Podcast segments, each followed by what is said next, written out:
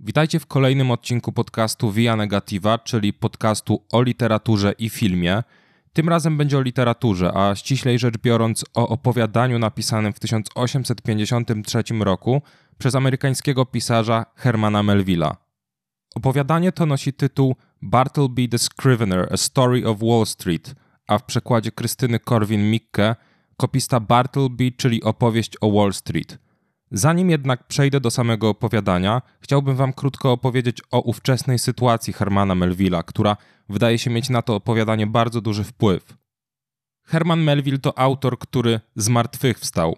U szczytu sławy za życia, który to szczyt był raczej niewielkim wzniesieniem, Melville sprzedawał do 10 tysięcy kopii swoich książek, przeważnie jednak w okolicach 5 tysięcy, a w przypadku Piera, czyli jego ostatniej powieści, która okazała się być finansowym fiaskiem, Melville ledwo przekroczył tysiąc kopii, co spowodowało, że zaliczka, którą na nią otrzymał, wysoko przekraczała dochód z książki i Melville miał spory dług do spłacenia wobec wydawcy.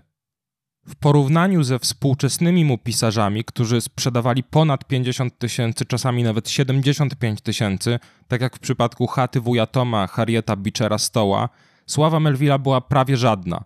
Za życia więc Melville był autorem niemal nieznanym dla szerszej publiczności – Dodatkowo jego najbardziej znanymi utworami były te publikowane w magazynach, m.in. w magazynie Putnam's Monthly Magazine, w którym to właśnie Melville opublikował opowiadanie pod tytułem Bartleby the Scrivener The Story of Wall Street, czyli bohatera dzisiejszego odcinka kopistę Bartlebiego. W Polsce opowiadanie wznowione zostało jako pierwsze w kolejności w zbiorze nowele i opowiadania wydanym przez Państwowy Instytut Wydawniczy w 2020 roku. Melville więc publikował opowiadania w magazynach, ale robił to anonimowo, bo tak życzyła sobie redakcja. Tak więc o jego niewielkiej sławie niech świadczy to, że najszerszą publikę zdobywał jako anonim. Przedtem Melville pisał głównie duże powieści, w których mógł pozwolić sobie na eksperymenty, eksperymenty, które doprowadziły go w końcu do katastrofy finansowej. Tak więc anonimowe pisanie do gazet na zamówienie było dla niego udręką, z której postanowił wydostać się w sposób, można powiedzieć, kartezjański. Tak jak Kartezjusz, Melville przyjął strategię, którą podsumowuje sformułowanie larvatus prodeo tego pierwszego, czyli kroczę zamaskowany, symbol kartezjańskiej retoryki kamuflażu. Larvatus prodeo wzięło się stąd, że Kartezjusz nie chciał podzielić losu Galileusza, który za swoje heliocentryczne poglądy został oskarżony o herezję. Bojąc się śmierci, Galileusz odwołał przed świętą inkwizycją wszystko to, co napisał i został skazany na dożywotnie więzienie – Kartezjusz więc również uchylił się od publikacji swojej heliocentrycznej teorii, ale w zamian przyjął pozycję wiecznie zamaskowanego. W swoich pamiętnikach pisał tak: Jak przezorni komedianci, którzy przybierają rolę, aby nie widziano wstydu wstępującego na ich czoło, podobnie ja, dotychczas widz, w chwili wstąpienia na scenę świata, kroczę zamaskowany.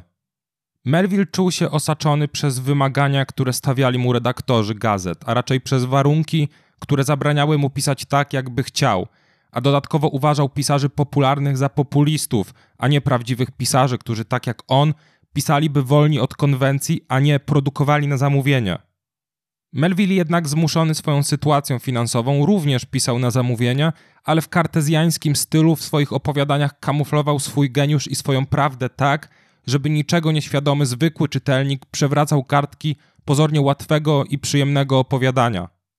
Melville więc chciał bawić się z czytelnikami, był trochę jak Bartleby, rzucał im wyzwanie, którego oni niestety nie rozumieli.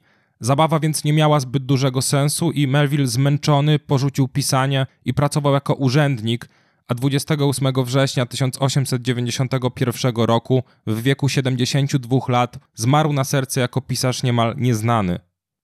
Ale zacząłem od tego, że Melville to autor, który zmartwychwstał – to jego zmartwychwstanie rozpoczęło się w ostatnim dwudziestoleciu XIX wieku, czyli jeszcze za życia pisarza, ale był to tylko zalążek tego faktycznego zmartwychwstania, które dokonało się dopiero w 1919 roku. Wtedy to właśnie, w setne urodziny Melvilla, zaczęły ukazywać się szeroko komentowane eseje dotyczące jego i jego dzieł – a rok później ukazało się opublikowane przez wydawnictwo Uniwersytetu Oksfordzkiego wydanie Moby Dicka w pięknej serii z piękną historią, czyli Oxford World Classics, które zostało szeroko dystrybuowane. W 1921 roku pojawiła się pierwsza długa książkowa biografia Melvilla, napisana piórem Raymonda M. Weavera. Weaver pisze tam, że całą historią Melvilla jest niejako sprawozdanie z próby ucieczki z bezwzględnego i nieznośnego świata rzeczywistego, którą po powrocie z morza i po napisaniu Moby Dicka Melville ciągle drążył właśnie w formie swojego oporu wobec panującej wówczas konwencji literackiej.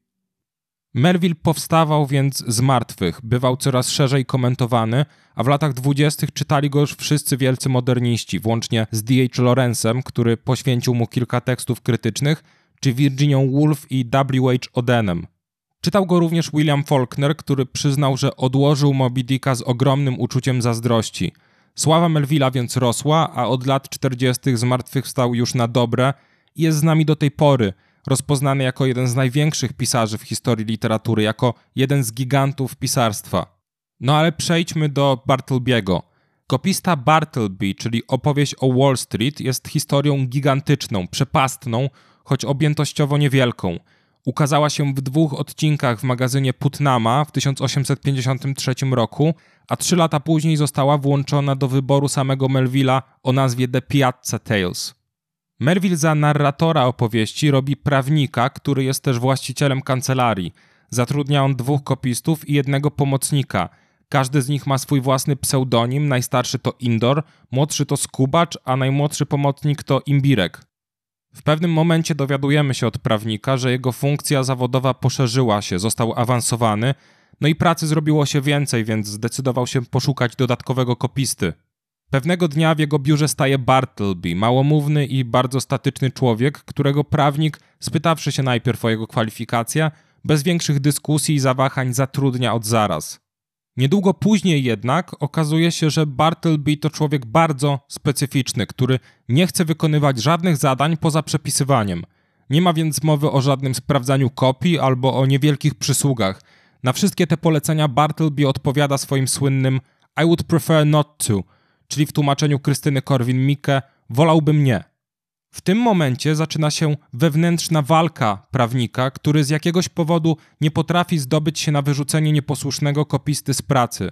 Myślę, że warto opowieść o Bartlebym zacząć od samego tytułu, który jest pierwszą z tych melvillowskich gier z czytelnikiem.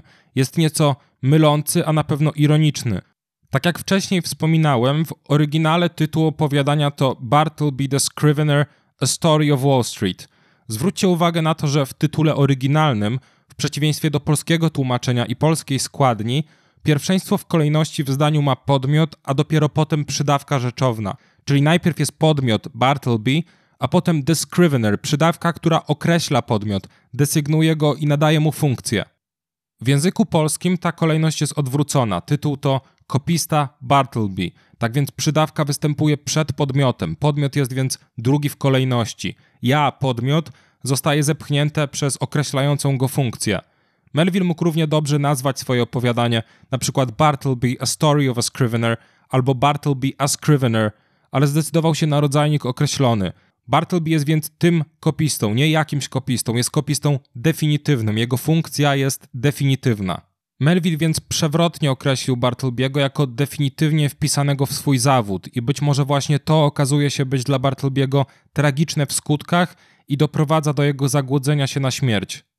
W tej części tytułu znajduje się przewodnia, mam wrażenie, dychotomia w opowiadaniu Melvilla, która rodzi się pomiędzy ja, czyli Bartlebym, imieniem, z którym ten się utożsamia, reaguje na nie jako na znak, nadany mu co prawda przez świat języka, ale znak, który jest najbliżej jego własnego ja, a między funkcją nadaną mu przez ten sam świat symboliczny, która to nie ma już z jego ja nic wspólnego. Jest to funkcja, którą Bartleby dzieli z masą innych kopistów, która alienuje go od jego tożsamości. Co bardzo ciekawe, Melville na 36 lat przed pojawieniem się czasu i wolnej woli Henriego Bergsona przewidział jego teorię trwania i wynikającą z niej teorię fundamentalnego ja. Bergson uważał, że nasze doświadczenie rzeczywistości, wszystkie te procesy, które w niej zachodzą, wszystkie obiekty, które się na nią składają, można podzielić na dwa rodzaje wielości, widzieć je z dwóch perspektyw. Pierwszą z nich jest wielość zorganizowana w porządku przestrzennym, drugą z nich jest wielość ciągła i niepodzielna, która regulowana jest tym, co Bergson nazwał właśnie trwaniem. Ta pierwsza perspektywa jest czysto naukowa, jest intelektualna. Umysł ludzki tworzy taką nienaturalną siatkę, która zostaje nałożona na trwanie i wyodrębnia z jego ciągłości elementy rzeczywistości na zasadzie utylitarnej potrzeby.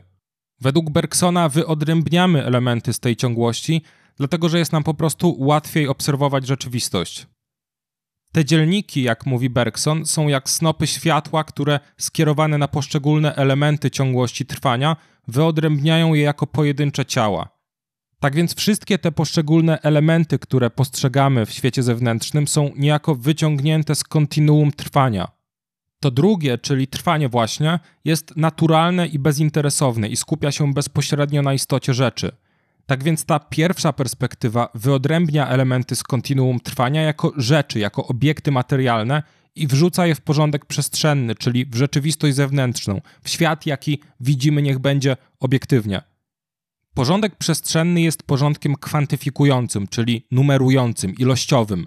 Obiekty wyodrębnione z trwania natychmiast zyskują jakiś numer. Co prawda nadal są od siebie różne, na przykład kubek na stole jest różny od stołu, ale jest to zawsze jeden kubek i jeden stół. Trwanie z drugiej strony jest ciągłe i kwalitatywne, czyli jakościowe. Składa się z mnogości przenikających się nawzajem elementów. Cała nasza wizualna percepcja, czyli mózg, nerwy, siatkówka, ale też sam postrzegany obiekt, tworzą pewną całość, pewien ciągły proces. W trwaniu postrzegamy więc nie odrębne od siebie elementy ilościowe, ale ciągły, nieprzerwany proces, w którym obiekty mają jakość, nie są policzalne. Paradoksalnie, według Bergsona, perspektywa trwania składa się z elementów heterogenicznych, czyli różnych od siebie, a to dlatego, że mimo że nadal wplątane w ciągłość, elementy te są zawsze jakieś, mają odrębne jakości. Można to sobie łatwo wyobrazić jako taką nieprzerwaną linię, która tak jak na wykresie liniowym ukazuje jednak różne od siebie jakości, które nigdy nie występują na tej samej wysokości. Z perspektywy ilościowej wszystkie podobne do siebie obiekty występowałyby na tej samej wysokości, dlatego że należą do jednakowego zbioru, są więc homogeniczne. Z tej bergsonowskiej dystynkcji wielości pochodzi kolejne rozróżnienie, czyli postrzeganie czasu, które działa na takiej samej zasadzie co poprzednie wielości. Według Bergsona czas rozumiany jako medium, w którym odróżnia się i liczy, jest zaledwie przestrzenią. Czas więc, który zostaje skwantyfikowany, jest natychmiast uprzestrzeniony i w rezultacie traci swoją jakość.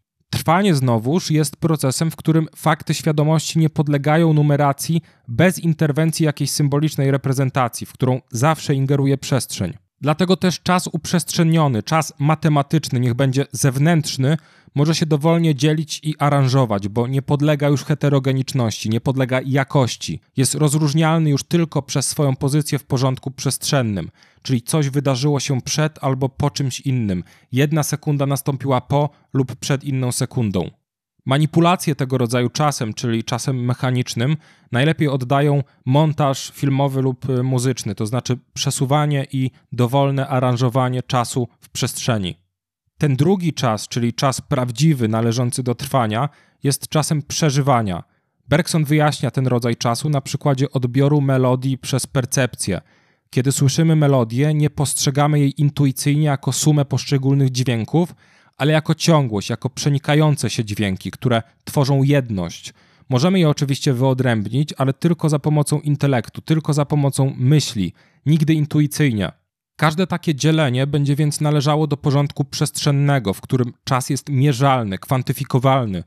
Bergson definiuje więc trwanie jako proces, który jest przeżywany, kiedy ja, czyli jaźń, pozwala sobie żyć, kiedy przestaje odróżniać stany przeszłe od teraźniejszych. Z tego znowu rozróżnienia rodzi się kluczowa dla opowieści o Bartlebym dystynkcja, która wydaje mi się niekoniecznie zrozumiała bez wprowadzenia tych dwóch poprzednich – jest to podział na ja fundamentalne i ja społeczne. Według Bergsona to pierwsze należy do porządku trwania, a to drugie do porządku przestrzennego. Pierwsze jest więc wewnętrzne, a drugie zewnętrzne. To ja społeczne jest niczym innym jak zjawą, wyalienowaną figurą poruszającą się w czasie mierzonym przez zegar. Jest to maska pozwalająca nam funkcjonować w świecie rzeczywistości obiektywnej – jest jednak zawsze tylko imitacją, symboliczną reprezentacją tego ja fundamentalnego. Do ja fundamentalnego dotrzeć możemy jedynie poprzez głęboką introspekcję, głębokie wejrzenie w siebie. To głębokie wejrzenie w siebie doprowadzi nas do uchwycenia naszych stanów wewnętrznych jako żywych przeżyć, które nie podlegają mierzalności, są zawsze jakieś i zawsze inne od siebie, są po prostu wyjątkowe. Momenty takiego głębokiego wejrzenia w siebie są, jak zaznacza Bergson, bardzo rzadkie i dlatego właśnie rzadko jesteśmy wolni. Większość naszego życia spędzamy na zewnątrz, dostrzegając niewiele więcej niż ducha, którym jesteśmy, niż bezbarwny cień, który trwanie projektuje na świat przestrzeni. Żyjemy więc, jak pisze Bergson, dla świata zewnętrznego, a nie dla samych siebie. Mówimy raczej niż myślimy, jesteśmy przez ten świat odgrywani, to znaczy świat decyduje o tym, jak działamy, a nie my sami. Działać więc w wolności od tych zewnętrznych nacisków, to znaczy odzyskać samego siebie i wrócić do własnego trwania.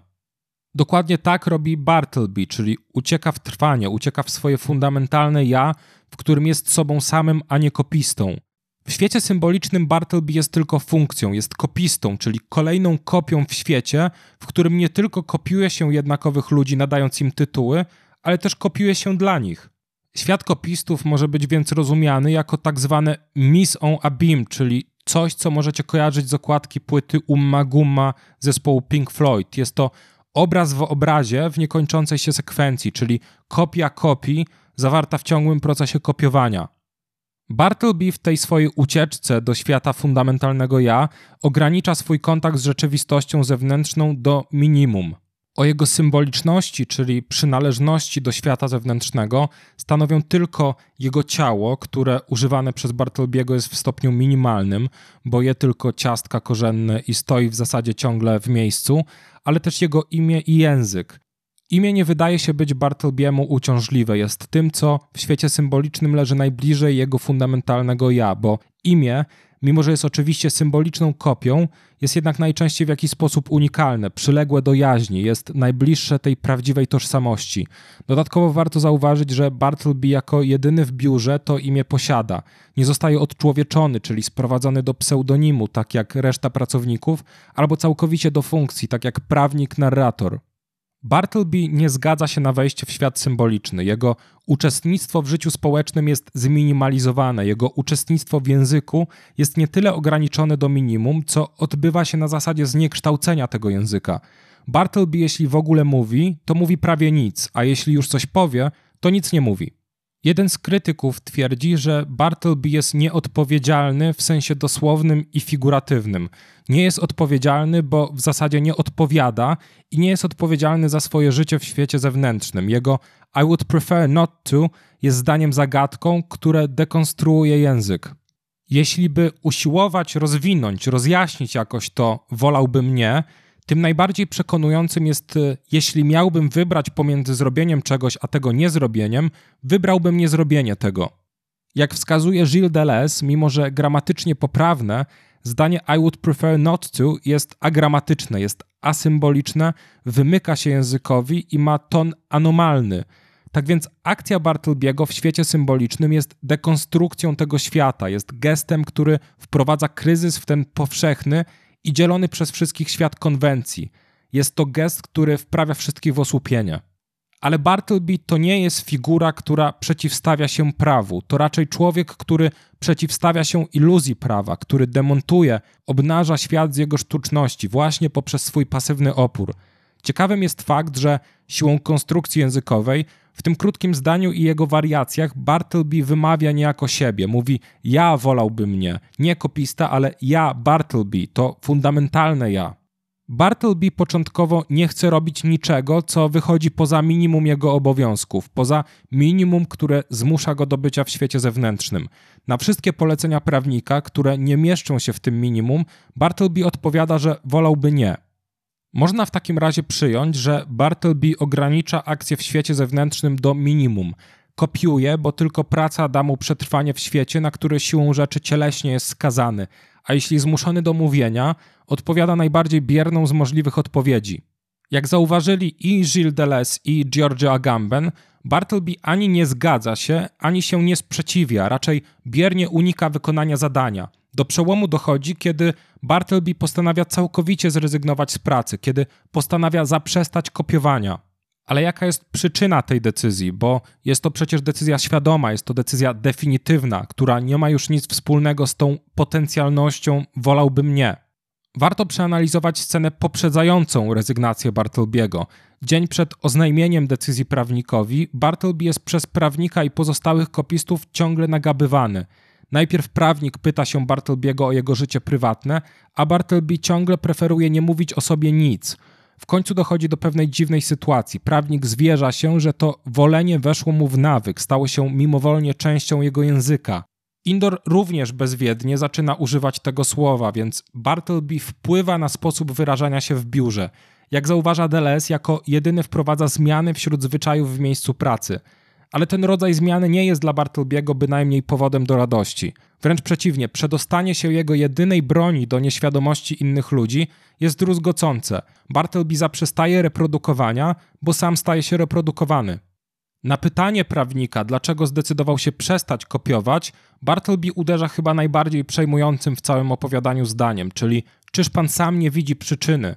Bartleby wskazuje, jakoby prawnik powinien znać przyczynę, może dlatego, że należy i niejako stanowi o działaniu systemu symbolicznego, który zupełnie alienuje człowieka od niego samego, od jego fundamentalnego ja. Na pytanie, czyż pan sam nie widzi przyczyny, prawnik chwyta się pierwszej rzeczy, którą widzi, pierwszej, która przychodzi mu do głowy, a raczej która pojawia się przed jego oczami.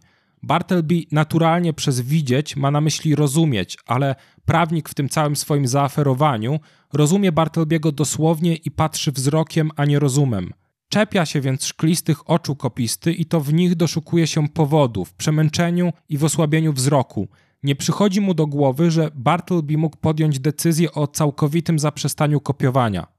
Bartleby tylko kopiując, robiąc to bardzo systematycznie i szybko, był w stanie zatracić się w aktywności zewnętrznej, która pozwalała mu na bycie w trwaniu. Ale kiedy jego jedyna broń przed światem zostaje skopiowana i strywializowana, Bartleby zaprzestaje jakiejkolwiek aktywności jako kopista.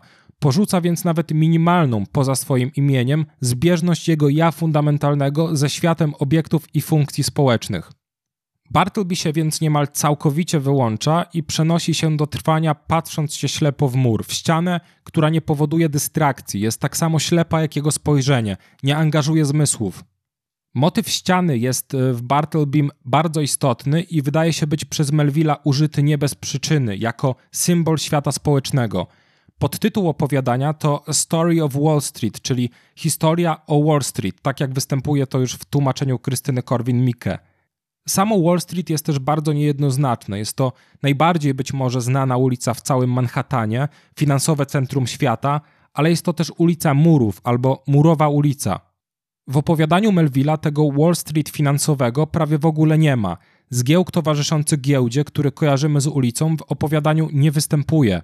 Tak więc Melvillowskie Wall Street jest kolejną sztuczką pisarza. Nie jest to opowieść o Wall Street per se, ale albo o Wall Street jako o symbolu świata społecznego, albo o Wall Street jako o świecie murów, które alienują pracowników od ich ja fundamentalnego, przypisując im funkcję. W końcu kancelaria prawnika jest otoczona murami, a po stronie stanowiska Bartlebiego ten mur oddalony od ściany jest o zaledwie metr.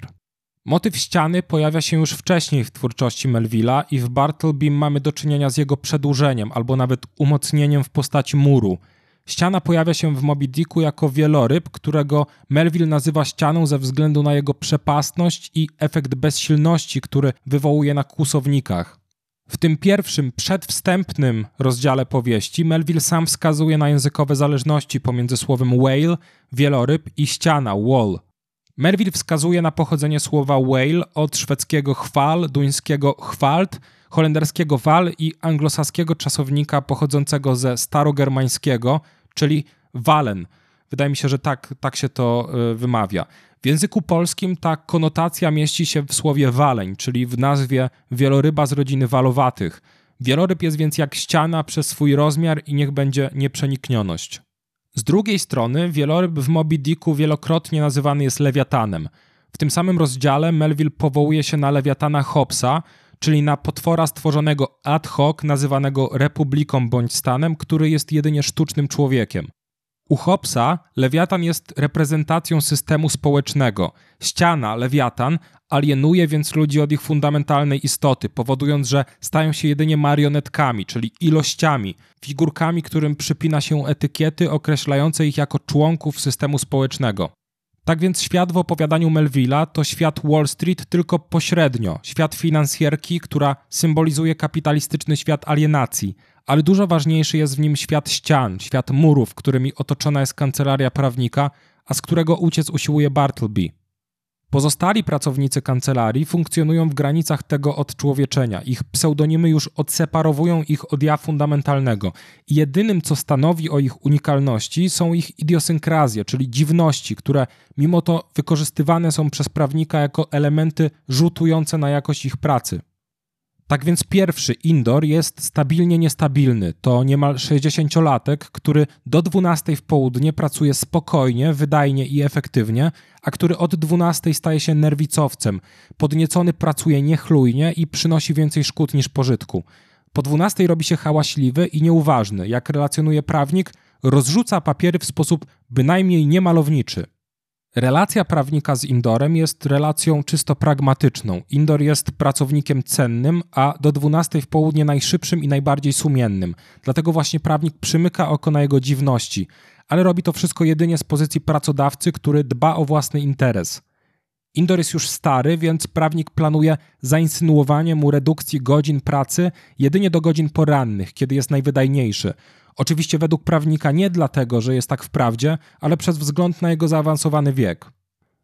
Indor jest człowiekiem bardzo specyficznym, na pewno znalazłby swoje miejsce w najpopularniejszej współczesnej wizji pracy w biurze, czyli w serialu The Office. Tak w zasadzie to mam dość poważne podejrzenia, że scenarzyści polskiej wersji serialu mogli mieć w głowie Melvillowskiego Indora, kiedy pisali postać graną przez Adama Woronowicza. Indor, tak jak Darek w wykonaniu Woronowicza, uważa się za prawą rękę swojego szefa. Podobnie z ich fascynacją wojnami. Indor tłumacząc, że jest prawą ręką prawnika, mówi, że rano ustawia i rozwija kolumny, lecz po południu staje na ich czele i rzuca się walecznie do ataku na wroga, wykonując przy tym gwałtowne pchnięcie linijką. Scena ta do złudzenia przypomina scenę w polskim The Office, gdzie Darek również wykonuje takie pchnięcie linijką w stronę kamery. Dodatkowo Indor jest fatalnie ubrany i przynosi wstyd kancelarii, co również wskazuje na inspirację dla scenarzystów polskiej wersji The Office, bo Darek może nie w tak dużym stopniu jak Indor, ale jednak jest niechlujnie ubranym człowiekiem chodzącym po biurze w kapciach. Tak w zasadzie, gdyby szukać protoplastów dla bohaterów obu, brytyjskiej i amerykańskiej wersji serialu, myślę, że jednymi z pierwszych, którzy przychodzą do głowy są właśnie trzej pracownicy zatrudniani przez prawnika, czyli Indor, Skubacz i Imbirek – nie wliczam Bartlebiego, bo uważam go za postać na wskroś tragiczną, która nie posiada w sobie pierwiastka komediowego. To raczej on sam, jako zupełnie poważna postać, jest lustrem dla komedii świata. Tylko w kontraście do jego powagi, do jego tragedii, reszta pracowników może wybrzmieć w sposób zabawny. Wracając do Indora, prawnik nie traktuje go jak człowieka, ale jak pracownika, podwładnego, który w miejscu pracy i w godzinach pracy nie jest niczym innym poza figurą wypełniającą swoje obowiązki.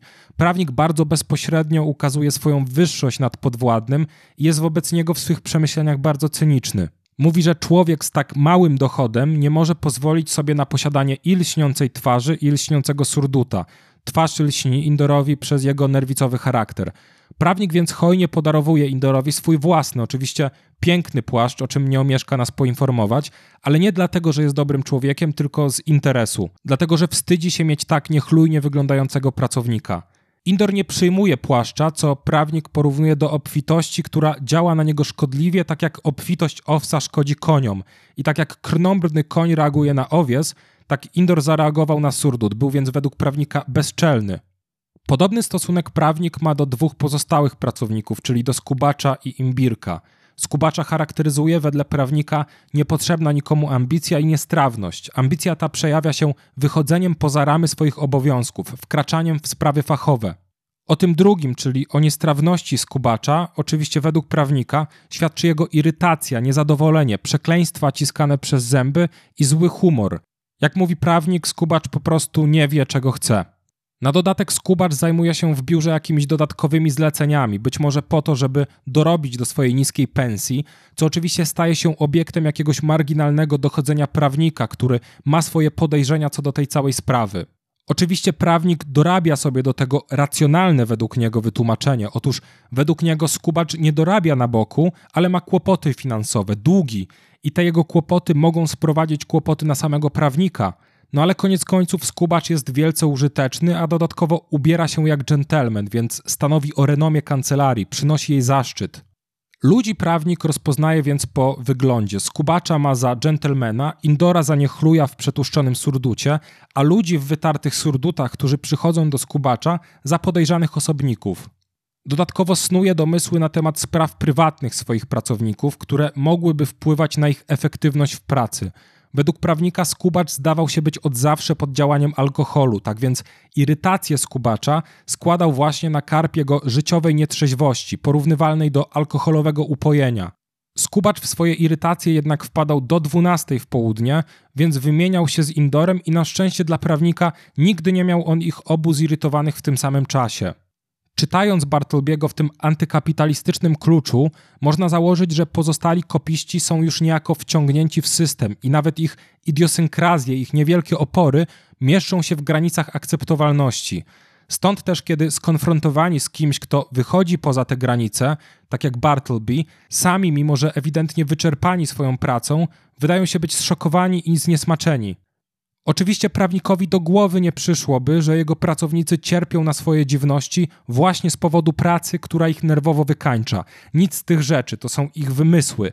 Wymysły widziane oczami człowieka, który w zasadzie nic w swojej kancelarii nie robi. Od czasu do czasu sprawdza jakieś kopie, ale uważa, że osobę wrażliwą taka robota doprowadziłaby do szału, na przykład takiego poetę Byrona. Traktuje więc swoich podwładnych nie jako wrażliwych ludzi, ale jak figury z zabawnymi pseudonimami, które rzekomo sami sobie nadali. Najmłodszy pracownik, Imbirek, jest dwunastoletnim chłopcem zatrudnionym za jednego dolara tygodniowo, który sprząta i jest w zasadzie na posyłki, a którego ojciec, woźnica, miał ambicje, żeby przed swoją śmiercią zobaczyć syna na ławie sędziowskiej – Prawnik szybko jednak konstatuje, że cała zawartość prawa dla chłopaka mieści się w łupince od orzecha, których pełna jest szuflada w jego biurku. Ma więc dostęp do prywatnych rzeczy swoich pracowników, bo w biurze, w pracy, pracownik nie jest już człowiekiem, tylko sługą bez prawa własności. Jego prywatne rzeczy nie należą do niego, ale do pracodawcy. Dlatego też prawnik pozwala sobie na sprawdzanie zawartości szuflad swoich pracowników. Imbirek swój pseudonim zawdzięcza imbirowym ciastkom, które dostarcza Indorowi, a potem też Bartlebiemu. Indor pewnego dnia zwilżył w ustach ciastko i chlapnął nim na papiery, co jak wspomina prawnik spowodowało, że był o włos od zwolnienia Indora. Ale nie zrobił tego łaskawca, bo Indor ukłonił się orientalnie i zakupił w ramach przeprosin materiały biurowe za własne pieniądze. Opowiedziałem wam o reszcie pracowników prawnika nie bez przyczyny. Chciałem z jednej strony ukazać ten przenikający przez pierwszą część opowiadania, zakotwiczony w kapitalistycznym wyzysku i pogardzie wobec podwładnego, utylitaryzm prawnika, ale też służebność Indora, Skubacza i Imbirka. Służebność, która zakłada co prawda pewne uchybienia, ale które nadal mieszczą się w ramach konwencji. A dodatkowo chciałem zarysować kontrast dla relacji prawnika z jego nowym kopistą, czyli z Bartlebym, bo relacja ta jest zupełnie inna. Bartleby ukazuje się pewnego dnia w kancelarii prawnika zupełnie nagle, zupełnie znikąd. Jest człowiekiem bez wyrazu, bez właściwości. Jego zewnętrzna reprezentacja jest jakby powściągnięta do minimum aktywności, do minimum bycia w świecie. W swoim wyczerpującym posłowiu do edycji Piwu Mikołaj Wiśniewski pisze, że w gąszczu interpretacji sytuujących opowiadanie Melvilla i jego bohaterów w kategoriach od lewej do prawej, czyli od kapitalistycznego wyzysku prawnika do mesjanizmu Bartlebiego, najbardziej niech będzie zasadnymi interpretacjami są te niejednoznaczne, można powiedzieć w duchu melvillowskiej prozy, w duchu Bartlebiego, takie, które nie piętnują prawnika, ale też go nie wybielają, takie, które nie dają jasnej odpowiedzi. Według mnie prawnika nie da się ani linczować, ani wybielać, właśnie dlatego, że to prawnik przechodzi przez pewną transformację. Jest to jednak transformacja niepełna, być może chwilowa, być może udawana. Prawnik w każdym razie wskazuje, że łączy go z Bartlebym coś dziwnego, że jego nowy kopista działa na niego w jakiś tajemniczy sposób. Prawnik swoją opowieść rozpoczyna od zapewnienia nas, że o Bartlebym nie wiadomo w zasadzie nic – że wszystko, co o nim przeczytamy, będzie relacją samego prawnika. Bartleby był, według narratora, najosobliwszym skrybą, jakiego kiedykolwiek widział lub o jakim słyszał. Prawnik nie sądzi też, żeby istniały materiały pozwalające na odtworzenie w wyczerpujący i zadowalający sposób biografii Bartlebiego.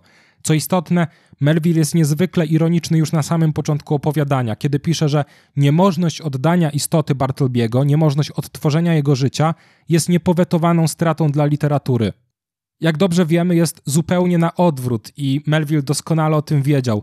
To właśnie ta impotencja narratora w kwestii wiedzy o Bartlebym i sama nieprzeniknioność Bartlebiego stanowią o jego wartości dla literatury, o jego niepodrabialnym charakterze i o nieśmiertelności opowiadania.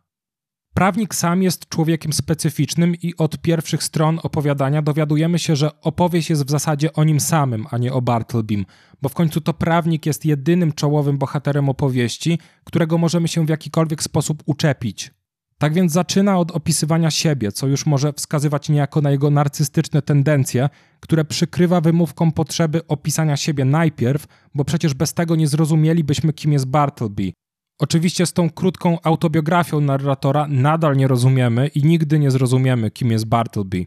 Melville więc przekazuje nam informacje o narratorze, bo właśnie on jest w tej całej opowieści kluczowy. To on odbija się w Bartlebym, tak jak w Bartlebym odbijamy się my wszyscy. Prawnik jest człowiekiem, który lubi wchodzić w rolę. Jak wiemy z pierwszej części opowiadania, w roli próżnego szefa odnajduje się świetnie jak możemy zauważyć z tego, w jaki sposób pisze o sobie, przypuszczalnie świetnie odnajduje się również w roli narratora krasomówcy, czyli autora opowieści, w roli niech będzie samego pisarza. Warto więc zastanowić się nad tym, jak to opowiadanie jest napisane, bo przecież narrator, prawnik, wydaje się być zachwycony, że może opowiedzieć swoją historię i robi to w sposób wyszukany i górnolotny. Tak więc narrator wykłada nam swoją życiową filozofię. Mówi, że od kiedy pamięta, żyje w przeświadczeniu, że najłatwiejsza droga życiowa jest najlepszą drogą. Pracuje jako prawnik, który prowadzi własną kancelarię od 30 lat. Nic się w zasadzie w życiu prawnika nie zmienia. Jak sam przyznaje, jest wyzuty z ambicji.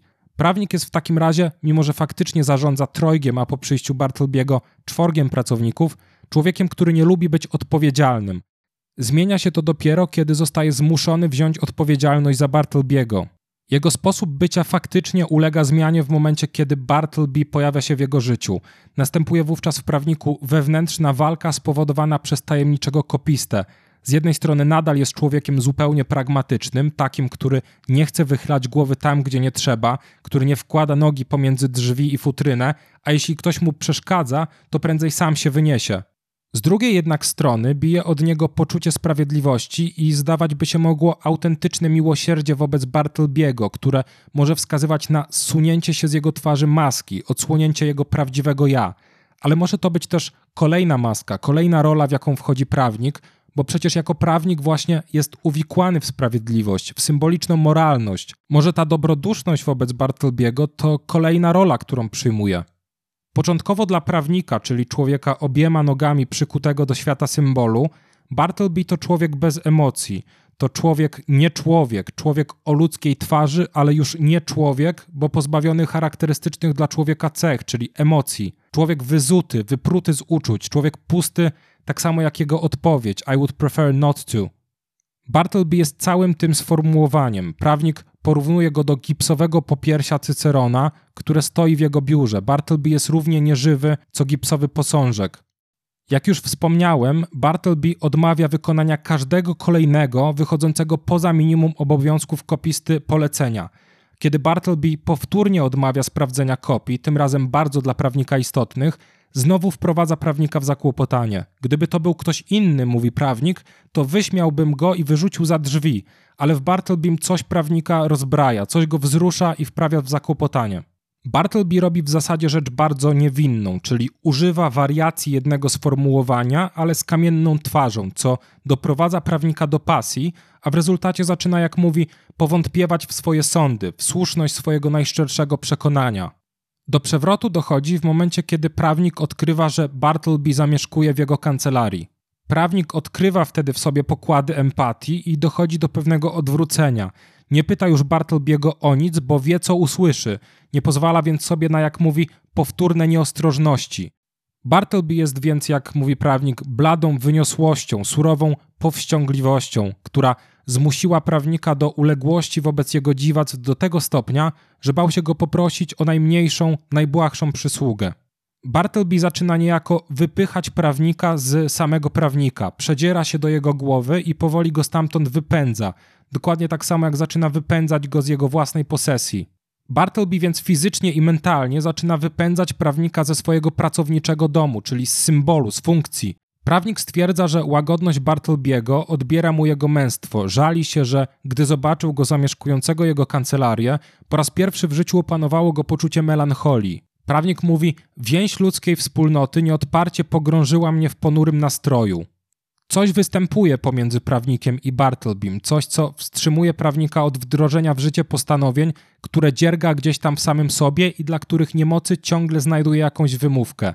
Prawnik powtarza kilkakrotnie, że wreszcie jednak jego sprawy zawodowe wzięły górę nad wszelkimi innymi względami. Prawnik sam więc być może balansuje pomiędzy sobą samym a funkcją, jaką sprawuje. Być może narrator traktuje Bartlebiego jak syna, którego sam nie ma. Być może swoją samotnością Bartleby odzwierciedla samotność samego prawnika. Tak czy inaczej, Bartleby daje prawnikowi szansę na zgłębienie samego siebie, na zbliżenie się do fundamentu swojego istnienia. Bartleby ma więc mimowolną władzę nad prawnikiem, ale nie można go porównać do tyrana, bo jego władza jest zupełnie inna, nie potrzebuje rozpoznania w oczach innego – w opowiadaniu Melvilla Bartleby panuje, lecz nie potrzebuje uznania, nie walczy o władzę. Właśnie brakiem walki o władzę pozyskuje władzę, zaniechaniem i brakiem potrzeby, która materializuje się w wolałbym nie. Wywraca się więc całkowicie zależność pana i niewolnika. Bartleby jest panem i niewolnikiem jednocześnie, ale to wszystko nie ma dla niego żadnego znaczenia. Bartleby jest zakładnikiem swojej własnej władzy, której nawet nie chce. Jest dowodem na to, że Władza może istnieć po prostu, że władza w świecie symbolicznym po prostu jest. Bartleby zostaje mimowolnie w ten porządek uwikłany, więc decyduje się na śmierć, na samobójstwo, na jedyny krok, który wydaje się być już czymś poza symbolem, który może wynikać z woli tego ja fundamentalnego. Ale wracając do bliskiej relacji między Bartlebym i pracownikiem, ten drugi staje się w stosunku do Bartlebiego coraz bardziej miłosierny. Na początku, kiedy Bartleby rezygnuje z kopiowania, a potem odmawia prośby opuszczenia miejsca pracy, prawnik sam się z tego miejsca pracy wynosi, unika więc odpowiedzialności. Przenosi swoje biuro w inne miejsce, ale kiedy Bartleby nie chce ruszyć się sprzed okna, a prawnika wzywają nowi właściciele kancelarii, Prawnik bierze odpowiedzialność i proponuje Bartlebiemu zamieszkanie u siebie w domu. Bartleby jednak znowu odmawia, mówiąc, że jest mu dobrze tam, gdzie jest. Melville wydaje się inercję Bartlebiego traktować jako dostęp do świata innego niż symboliczny. Wyrzucenie kopisty z pracy może miałoby znaczenie w świecie symbolicznym, ale w świecie prawdziwym nie ma żadnej wagi, nic nie zmienia. Bartleby może przecież stać i patrzeć się w mur gdzie indziej, co zresztą robi w więzieniu, do którego zostaje ostatecznie wysłany przez funkcjonariuszy sprowadzonych przez nowego właściciela pomieszczenia. Prawnik stawia Bartlebiego przed nieuniknioną w świecie symbolicznym konfrontacją. Albo on coś zrobi, albo ktoś zrobi coś jemu, albo on podejmie akcję, albo akcja zostanie podjęta za niego. Tak więc albo Bartleby opuści świat subiektywny i podejmie akcję, albo świat obiektywny zajmie się Bartlebym, co się ostatecznie wydarza, bo wszyscy inni ludzie nie mają do inności Bartlebiego tej samej cierpliwości co prawnik. Bartleby jednak postanawia pozostać w swoim ja fundamentalnym, czyli w swoim trwaniu i nie wychodzi do świata symbolicznego. Trafia do więzienia, gdzie umiera z głodu. Być może nie są w błędzie ci komentatorzy, którzy przypisują Bartlebiemu jakieś elementy mesjanistyczne. Być może Bartleby umiera w momencie, kiedy prawnik porzuca egoizm i staje się faktycznie dobroduszny. A być może Bartleby umiera, bo widzi, że nie jest w stanie nic zdziałać. Zmiana w prawniku wydaje się być tylko kolejną maską. Pamiętajmy, że prawnik opowiada nam tę historię retrospektywnie, z perspektywy czasu po śmierci Bartlebiego. Całe to opowiadanie, a więc też jego pierwsza część, jest pisana przez tego prawnika, który już miałby tę przemianę przejść. A więc wydawać się może, że nie przeszedł żadnej przemiany, a tylko ją odegrał. Od pierwszych stron opowiadania, które wydarza się już po całej historii z Bartlebym, prawnik wchodzi w kolejną rolę, tym razem w rolę narratora. W pewnym momencie sam komentuje swoją przemianę, mówi, że są to smutne urojenia, niewątpliwe chimery chorego i ogłupiałego umysłu. Prawnik zmiany w sobie czyta więc nie jako epifanię, ale jako omamy. Być może najlepszym podsumowaniem całej tragedii Bartlebiego w świecie symbolicznym są słowa samego prawnika. Mówi, że uczucie melancholii zaczęło przeobrażać się w strach, a litość w niechęć. Według prawnika błądzą ci, którzy twierdzą, że niezmienną tego przyczyną jest wrodzony egoizm ludzkiego serca. Pochodzi to raczej z braku nadziei na usunięcie nadmiernego i organicznego zła. Mówi, mógłbym dać jałmużnę jego ciału, lecz jego ciało nie sprawiało mu cierpienia, to dusza jego cierpiała, a duszy pomóc nie mogłem.